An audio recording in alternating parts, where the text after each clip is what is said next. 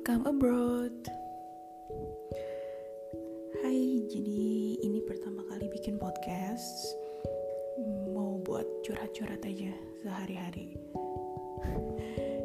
Suka banyak yang nanya kan, gimana sih rasanya hidup di rantau tanpa ada mbak, hidup sama dua anak, tetap bisa masak, ngurusin suami, ngurusin rumah. Um, to be honest, keteteran sebenarnya iya jadi ibu tuh kayaknya 24 jam sehari nggak cukup banget ya. Perasaan kerjaan rumah juga nggak selesai-selesai padahal dikerjain mulu. Gimana siasatinnya? Ya nggak gimana-gimana ya jalanin aja. Kalau anaknya lagi nggak bisa ditinggal main sendiri ya harus di situ. Ya paling masaknya jadi kelewatan. Kadang-kadang kalau lagi baking bisa over overproofing over baking jadi angus. Terus di sini ya nggak ada mbak bukan ya nggak ada sebenarnya ada. Cuman sayang gitu loh um, buat bayar pertama kan harus bayar gaji pasti dong. Udah bayar gaji kita harus bikinin visa. Terus harus kasih tempat tinggal. Terus tiket mereka untuk pulang ke Indonesia setiap dua tahun sekali misalnya. Dan itu nggak murah.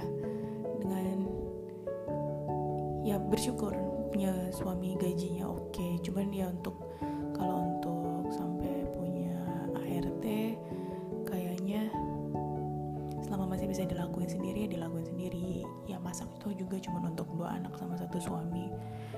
Kadang-kadang pun kalau lagi males masak ya udah goreng nugget lah bikin indomie. Terus apa lagi ya? Suka dukanya tinggal di negeri orang. Oh, gue sendiri sekarang tinggal di Oman. Oman itu salah satu negara di Timur Tengah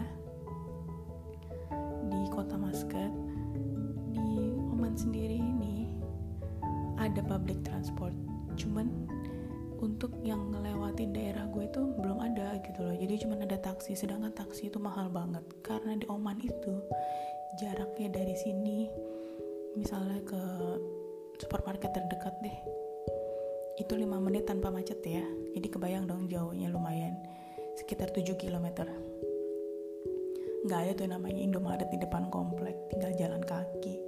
Di Indonesia aja tinggal jalan kaki masih tetap naik motor pada males. Gimana di sini ya kan jauh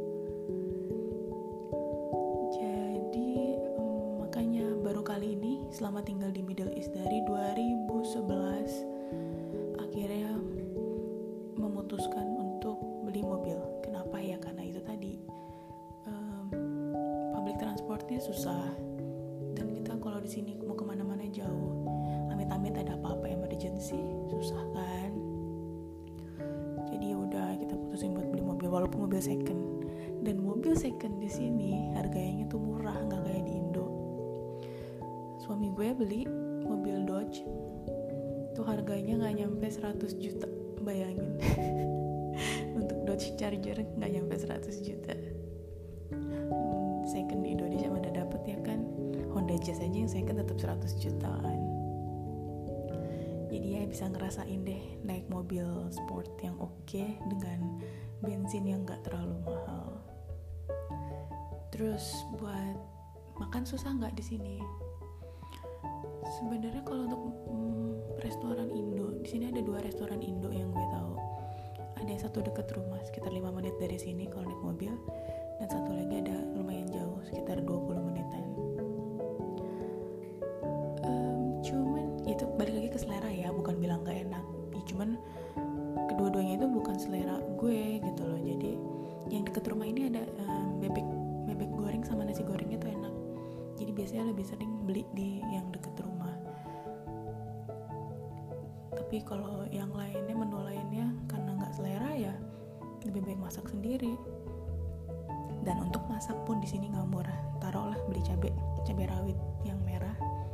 Di sini satu paket nggak nyampe 200 gram nggak nyampe seperempat. Itu harganya hampir 40 ribu. Jadi lo lo semua yang bilang kalau pas minjem duit gue nggak minjemin wah gaji suami lu kan enak gede di sana. Kerjanya di hotel bintang 5 di luar negeri. Masa minjemin gue 5 juta doang aja nggak bisa? Doang. Halo